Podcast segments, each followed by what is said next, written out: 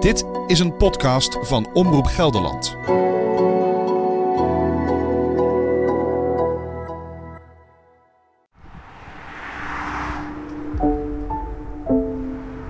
...80 km per uur.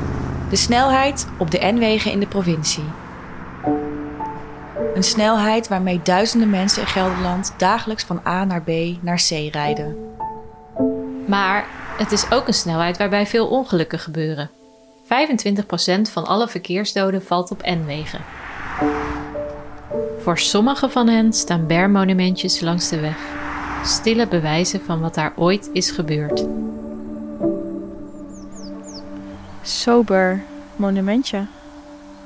Met hout en plaatjes. Je hoort mij, Lisanne, hier langs de N303 van Ermelo naar Putten. De weg die twee dorpskernen met elkaar verbindt. Het monumentje van Randy bezorgde mij en mijn vriendin Rosanne kippenvel toen we er een keer per toeval langskwamen. Gestorven op 24-01-2016. Dus hij is 17 geworden. Ze vallen op in de berm en laten je afvragen: wat is hier eigenlijk gebeurd? In deze podcast nemen we je mee in onze zoektocht. In het verhaal van Randy, maar ook in het verhaal van Mees. Jonge jongens die niet meer thuis kwamen. En naar het verhaal van de weg. Wat is daarmee aan de hand? Dit is de podcast 80 km per uur. Aflevering 4. Hoe nu verder? In de vorige aflevering hoorde je over de inspanningen die gedaan zijn om de situatie op de weg veiliger te maken. En over hoe dat nog steeds niet helemaal gelukt lijkt. Er overleed opnieuw iemand na een ongeluk op de kruising van de N798. Je hoorde ook over de klankbordgroep die weer in actie kwam. In deze aflevering onderzoeken we wat er nog gedaan kan worden. En hoe betrokkenen dat voor zich zien. Hoe nu verder? Dat blijft een open wond als je daar langs die oversteek komt. Je vraagt je af wie het volgende slachtoffer zal zijn. We sloten de vorige aflevering af met Karel van Dijk. Zijn vrouw Dickie werd in 2021 aangereden op de kruising van de hoofdlaan met de N798 in Putten. Dezelfde kruising als waar Mees in 2017 werd aangereden. Drie maanden later overleed Dickie aan de gevolgen van die aanrijding. Om het beeld nog even te schetsen, de oversteek ligt dwars op de N798. De auto's rijden daar met 80 km per uur voorbij. Als fietser heb je geen voorrang en moet je de weg via een middengeleider oversteken, dus in twee stappen, zodat je eerst aandacht hebt voor het verkeer dat van links komt en bij de volgende stap voor het verkeer dat van rechts komt. Na het ongeluk van Dickie van Dijk verlaagde de provincie de snelheid bij de oversteek van 80 naar 60 km per uur. Nou, dat is op zich natuurlijk gunstig. Dat is goed. Kijken of je met 60 of met 80 aangereden wordt, dat maakt nogal een verschil natuurlijk. Ze zijn ook niet zo snel bij je. Maar Karel is nog steeds bang dat er opnieuw slachtoffers zullen vallen. Ook al mogen automobilisten daar nu 60 kilometer rijden, het blijft een gevaarlijke oversteek, want er zijn niet veel mensen die echt 60 rijden. Maar een enkeling. We besluiten zelf ook nog eens een kijkje te gaan nemen op en rondom de oversteek. De school is net uit, dus er zijn een hoop jongeren op de fiets. Sommigen willen wel even met ons praten. En wat ons direct opvalt, is dat eigenlijk iedereen wel weet van het gevaar van de situatie daar. Want wat, wat, wat vind je van deze weg? Nou, ik vind het een beetje slecht gemaakt, denk ik. Het was eerst al een beetje onveilig en toen hebben ze het veranderd. Maar het blijft eigenlijk nog steeds een beetje onveilig. En wat, wat is er gevaarlijk aan? Nou, je kan niet handig oversteken hier. De mensen rijden alsnog snel, dus... Want jullie fietsen hier uh, naar, naar school deze weg? Dat klopt, ja. Eigenlijk uh, elke dag. Maar ja, als je gewoon goed kijkt, dan word je meestal niet aangereden. Maar er zijn altijd wel mensen die denken van, nou, ik kan nog wel even snel ervoor langs. Ja, en als je dan zo hard mag rijden, dan kan het wel eens misgaan. Horen jullie daar wel eens verhalen over? Oh ja, heel wat mensen. Nou, heel wat mensen. Volgens mij een jongen van onze school, die is hier ook uh, aangereden. Ja, ik fiets ik hier in de ochtend. Toen was er een ambulance, toen was er een fietser ook geraakt. En ik weet wel het verhaal zijn dat toen maar zo overleden zijn. Maar we zien ook dat ondanks het gevaar niet iedereen zijn gedrag daarop aanpast. En dat het soms gewoon makkelijker is om de oversteek te nemen. Ook al zijn er op een paar honderd meter afstand een oversteek met verkeerslichten en een fietstunnel die onder de weg doorgaat. Oeh, je ziet nu een jongen de weg oversteken. Die paste niet meer op dat vluchtheuveltje. Ging Besloot hij uh, dwars over te steken. Meiden, mogen we jullie wat vragen? Wat vinden jullie van deze weg? Uh, nou, ik vind het nu al iets beter geregeld, want eerst was het helemaal uh, anders. Maar ik vind nog steeds, omdat die auto's zo hard rijden hier, kan het nog wel gevaarlijk zijn. Want sommigen hebben gewoon scheid en die steken zomaar gewoon over. Sommige fietsers of sommige auto's? Nee, fietsers. Ja, nou ja, auto's die rijden, die blijven gewoon hard rijden eigenlijk. Ja, maar het was iets van drie maanden dicht. Ik moest drie maanden omfietsen en het is niet veel veranderd. Er stond in tussentijd een stoplicht, maar die is weggehaald. Dus eigenlijk het nut ervan is niks. Want het zou veiliger zijn als er een stoplicht kwam waardoor jullie als fietsers... Daar is de stoplicht en hier niet. Maar het bos is gewoon veel sneller voor school. Dus je gaat toch liever hier, ondanks dat het iets minder veilig is?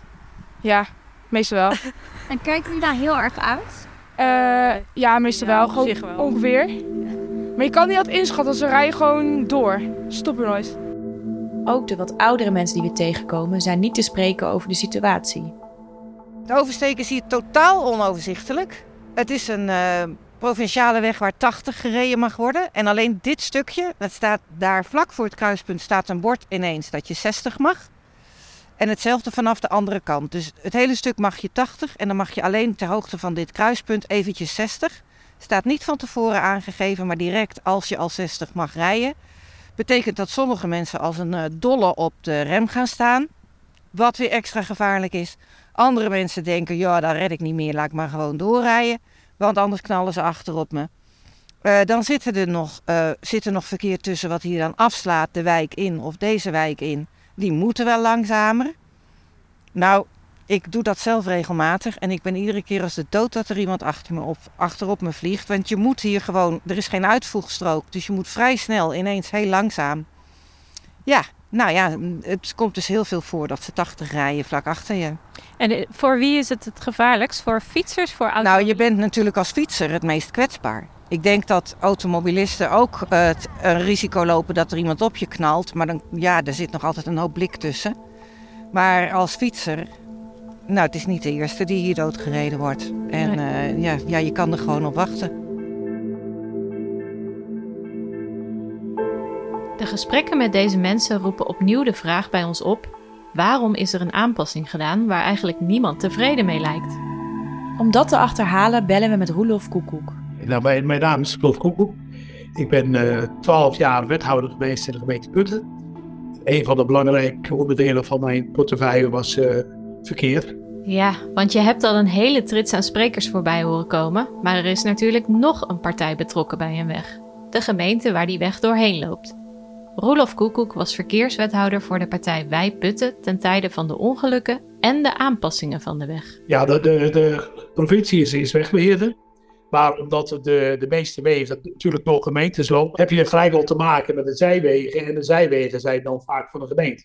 Dus eigenlijk trek je altijd uh, samen op. De provincie neemt er wel het voortouw, maar de gemeente doet er altijd in mee om uh, ook uh, heel commentaar op de weg te geven. En ook eventuele knelpunten met zijwegen aan te geven. En de N798 blijkt precies zo'n knelpunt waar de gemeente Putten en Roelof als wethouder mee te maken krijgen. Nou ja, kijk, de, de, de, de 798, maar het is eigenlijk ook de 303. Hè. Je kent een heel aantal uh, bijzonderheden. Eigenlijk liggen op alle kruisingen binnen het dorp liggen rotondes. Behalve op die kruising met de hoofdlijn die u uh, bedoelt. Daar is gewoon een, een, een kruising in een oversteekplaats. Ook Roelof noemt het weer. Overal liggen rotondes, maar niet op de oversteek bij de hoofdlaan. Terwijl veel mensen dat een goede oplossing lijkt, horen we in de gesprekken die we voeren. Luister bijvoorbeeld naar de moeder van Mees. Ik vind het, ik vind het gewoon 80 kilometer door een dorpskern. Volgens mij moet dat gewoon niet kunnen. Dat is, dat is gewoon niet zinvol. Dat voegt niet toe en het neemt alleen maar risico's met zich mee. Ik zou het niet verkeerd vinden als door het, uh, door de dorpskern dat het gewoon 50, 60 kilometer per uur werd. En dat er op die plek ook een rotonde zou komen. En naar Astrid van de Klankbordgroep.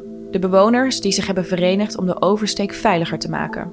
Ja, het liefst zouden we zien dat in ieder geval de snelheid omlaag gaat. Dus ik denk dat uiteindelijk die weg ook ingericht zou moeten worden als een 60 kilometer weg.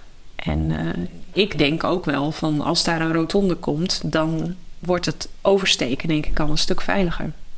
Want mensen gaan niet meer met 80 km per uur daar dan hier achter langs jagen. En ze moeten dan uh, die rotonde nemen, dus dat moeten ze al voor afremmen. En daar staat de lid Daisy Vliegendhart. In mijn beeld is een rotonde heel erg passend. Want we hebben er volgens mij al vier liggen in Putten. En als je in Ermelo kijkt, daar is de weg zelfs 50 km per uur. Dus ik kan me eigenlijk niet voorstellen dat ja, één rotonde erbij nu nog zoveel uitmaakt. En ook de gemeente Putten zag een rotonde als oplossing voor de problemen, vertelt Roelof Koekoek. Uiteindelijk heeft de gemeenteraad gezegd, uh, we gaan voor een rotonde, daar willen we ook aan meebetalen. Het is ook vaak een kwestie van, uh, van geld. Toen die besluitvorming in Putten heeft plaatsgevonden, zei de provincie, nou we hebben er toch nog eens een keer naar gekeken en wij willen hem niet. Wij willen geen rotonde. Terug naar de provincie. Wat heeft de verkeerskundige erover te zeggen? De rotonde-oplossing op deze plek hebben we over nagedacht. We hebben over allerlei vormen van oplossingsrichtingen nagedacht. Want we proberen het altijd zo breed mogelijk aan te vliegen. Maar daarin kijken we ook uh, uh, naar een afweging van hoe ziet die weg eruit. Uh, als je op elke 400, 500 meter een rotonde hebt, dan heb je ook iets met doorstroming te doen. Hè, want je hebt toch een weg die een bepaalde ontsluitingsfunctie heeft, ook voor, voor, voor zwaar verkeer en voor ander verkeer. Uh, en dan moet je ook een bepaalde mate van doorstroming hebben. Maar veel belangrijker hier nog is om te beseffen dat uh, uh, iets ten zuiden van dit kruispunt ligt een rotonde en iets ten noorden van het kruispunt ligt een kruispunt met verkeerslichten. en dat zijn ook plekken waar het langzaam verkeer kan oversteken. en nog iets noordelijker van die verkeerslichten, richting Ermelo, ligt een fietstunnel. En dus wij kijken ook altijd in het bredere spectrum van zijn er in de buurt ook andere opties waar de fietsers voor kunnen kiezen. Uh, en die afweging moeten wij wel maken. Want als je het over een rotonde hebt op deze plek.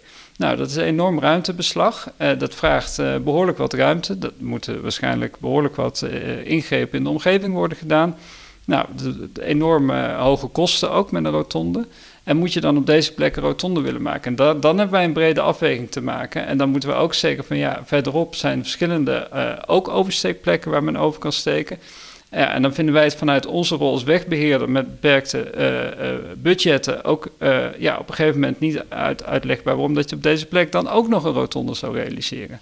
Laat onverlet dat we wel willen dat we deze kruising zo veilig mogelijk inrichten. Astrid en haar klankbordgroep zijn het niet eens met de provincie. Door proeven die ze deden, zijn ze ervan overtuigd dat een andere inrichting van de weg geen tijdverlies geeft.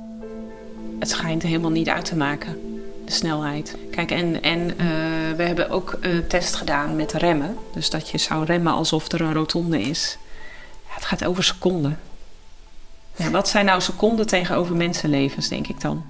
En volgens Astrid zijn ook de kosten van een rotonde, gemiddeld tussen de 400.000 en 600.000 euro, geen argument. En wat kost het de staat, denk ik dan ook. Als er dan zo'n mevrouw die uh, nog prima uh, zichzelf kon redden, uh, in een verpleeghuis belandt. Trauma's helikopters die iedere keer moeten komen. Ik vind dat krom. Ik snap dat niet. Een van de leden van de klankbordgroep die gaf dat ook aan. Van ja, er wordt voor kapitalen aan uh, eekhoorns uh, oversteekplaatsen en voor egels en padden en bedenk het allemaal maar. Hartstikke goed. Ik bedoel, we moeten zuinig zijn op onze natuur. Maar kinderen en ouderen die worden maar gewoon aan hun lot overgelaten. En die moeten maar zien hoe ze een 80 kilometer weg veilig overkomen. Het is natuurlijk heel bizar. En ik snap wel, hè, Gelderland is een grote provincie en er zijn nog veel meer gevaarlijke kruisingen. Maar... En er zijn natuurlijk nog veel meer andere problemen. Dus ja, je kunt je geld maar één keer uitgeven. Maar dan denk ik ook, dan begrijp ik dus bijvoorbeeld ook niet dat ze het geld zo voor mijn gevoel hebben weggegooid aan een renovatie die helemaal niks aan veiligheid heeft opgeleverd. De aanpassingen die zijn gedaan hebben ongeveer 600.000 euro gekost. Moedeloosheid, dat is eigenlijk wat we bij alle omwonenden die we spreken voelen. Wij hebben echt gedacht: waarom gooien ze zoveel geld over de balk? Ik bedoel, doe het dan goed. Of doe het niet. Maar ja, het werd er eigenlijk alleen maar onduidelijker van. Ook de verkeersstromen werden er eigenlijk onduidelijker van. Van hoe moet je als fietser nou, waar moet je blijven, hoe steek je over? En nou ja, dat in combinatie met die ongevallen, toen hebben we dus wel weer uh, hebben we het aangekaart. Door de petitie die de klankbordgroep begon, mogen ze inspreken bij de provincie. Dat maakte indruk volgens Astrid. Toen zijn ze ook nog een keer hier geweest. Um, en toen is de nieuwe gedeputeerde er ook geweest. Die heeft toen wel gezegd van... Uh, ja, uh, we moeten reëel zijn. Er gaat daar nooit een rotonde komen of iets, want daar is gewoon geen geld voor. Maar goed, zij beloofde wel dat er wat aan zou gebeuren. Nou, toen is het weer een hele poos stil geweest. Dus ik moet zeggen dat, ik, dat we daarna... Ja, dat maakte mij ook wel een soort van moedeloos. Dat ik dacht van ja, je trekt gewoon aan een dood paard. Ze beloven je iets om je zoet te houden en dan vervolgens gebeurt er niks. Volgens de provincie gebeurt er ondertussen wel degelijk iets. Alleen duurt het nu eenmaal even voor je daar resultaat van hebt. Ze hebben zich aan allerlei ambtelijke trajecten te houden. Zo gaat dat nu eenmaal in Nederland. In maart 2022 is een verkeersveiligheidsaudit uitgevoerd. Dat is eigenlijk een soort evaluatieonderzoek door een onafhankelijk bureau na de reconstructie. En op basis daarvan kunnen we dus zeggen van nou, uh, zoals er nu bij ligt, is dat een goede situatie? Voldoet hij aan alle richtlijnen? Of zijn er nog wat aanpassingen nodig? Dat is één. En vervolgens gaan we natuurlijk kijken hoe gaat het verkeer zich gedragen, want je hebt een gewenningsperiode. Uh, en we observeren vaak, ik was er zelf nog twee weken geleden nog ter plekke, wat, wat voor verkeersbeeld zien we. En pas als dat natuurlijk enige tijd daar ligt, dan kunnen we ook echt zeggen van functioneert het nou zoals we hadden verwacht en zoals we willen. Uh, uh, en om dat goed in beeld te krijgen, hebben we nu gezegd van nou, we gaan nog één keer opnieuw naar dat kruispunt kijken. Wij noemen dat dan een verkenning. Hè? Dus nog één keer kijken van uh, wat is de snelheid, wat zijn de gedragingen van het verkeer, hoe wordt die 60 bijvoorbeeld nageleefd, zijn er aanvullende maatregelen nodig, moeten we misschien nog iets met een gedragscampagne. Daar zijn we nu mee bezig. En uh, op basis daarvan kunnen we dan definitief zeggen: oké, zoals het er nu bij ligt, vinden we dat. Uh, is het zoals we het hebben bedacht? Of zijn er nog wat aanvullende maatregelen nodig? Dat proces loopt dus nog. Maar voor Astrid en haar klankbordgroep voelt het alsof ze vergeten zijn. We vragen oud-verkeerswethouder Roelof Koekoek of hij snapt waar het knelpunt nu precies zit. Ja, het is ook vaak moeilijk uit te leggen waarom dat het zo lang moet duren. Hè. Die zegt: nou, oké, okay, je kijkt ernaar.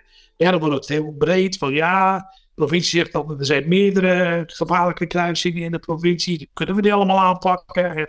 Dus we willen eigenlijk een beleid maken voor, voor gevaarlijke kruisingen. En, en dat wordt steeds groter gemaakt. Hè? Terwijl gewoon in lokaal, in de gemeente met bewoners zegt, joh, er ligt een kruising, doen we dan.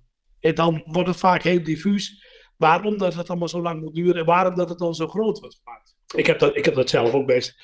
Nu, kijk, zit je er middenin, dan, dan ga je van stap naar stap hè, en dan maak je alles mee. Maar nu je buitenstaander bent, denk ik, hebt daar niets meer mee te maken, denk ik ook wel, hé, hey, we hebben toen hele intensieve gesprekken weer gehad met de buurt en met de provincie en de gedeputeerden. En ze eens kijken. Ja, je bent nu al volgens mij een jaar verder. En als buitenstaander hè, heb eigenlijk al een jaar niks meer gehoord. Dat duurt dus best wel heel erg lang voordat er überhaupt iets gaat gebeuren. Als er al iets gaat gebeuren. Daisy Vliegendhart trekt zich de kritiek aan. Ja, maar dan doen we het als provincie dus ook gewoon niet goed. Dus los van dat je misschien af en toe keuzes maakt waar mensen niet achter staan, vind ik ook dat je wel keuzes moet maken die goed uitgelegd kunnen worden. En op de een of andere manier kan dit gewoon niet goed uitgelegd worden. Ja, en tot die tijd blijf ik ook doorvragen en steeds aandacht vragen voor dit punt. Want ik vind gewoon dat. Hè, we kunnen best besluiten nemen, maar leg dan maar goed uit en neem de mensen ook goed daarin mee.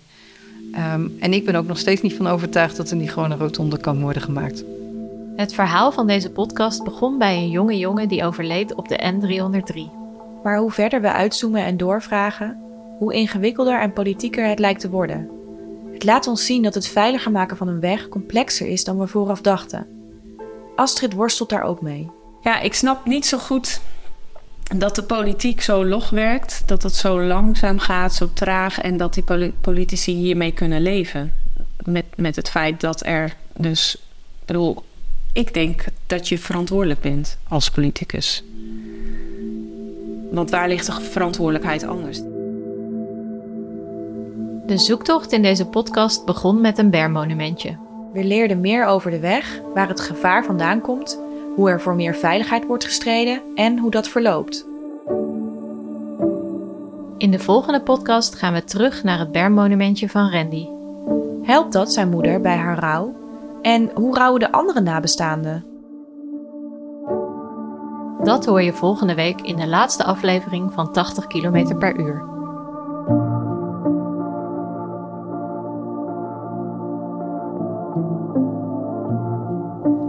Dankjewel voor het luisteren naar deze podcast, die wij, Lisanne van Zadelof en Rosanne Sies, maakten voor Omroep Gelderland. We kregen hulp bij het monteren van Gedo van der Zee. Wil je iets aan ons kwijt naar aanleiding van deze podcast? Stuur dan een mailtje naar omroep.gld.nl onder vermelding van podcast 80 km per uur.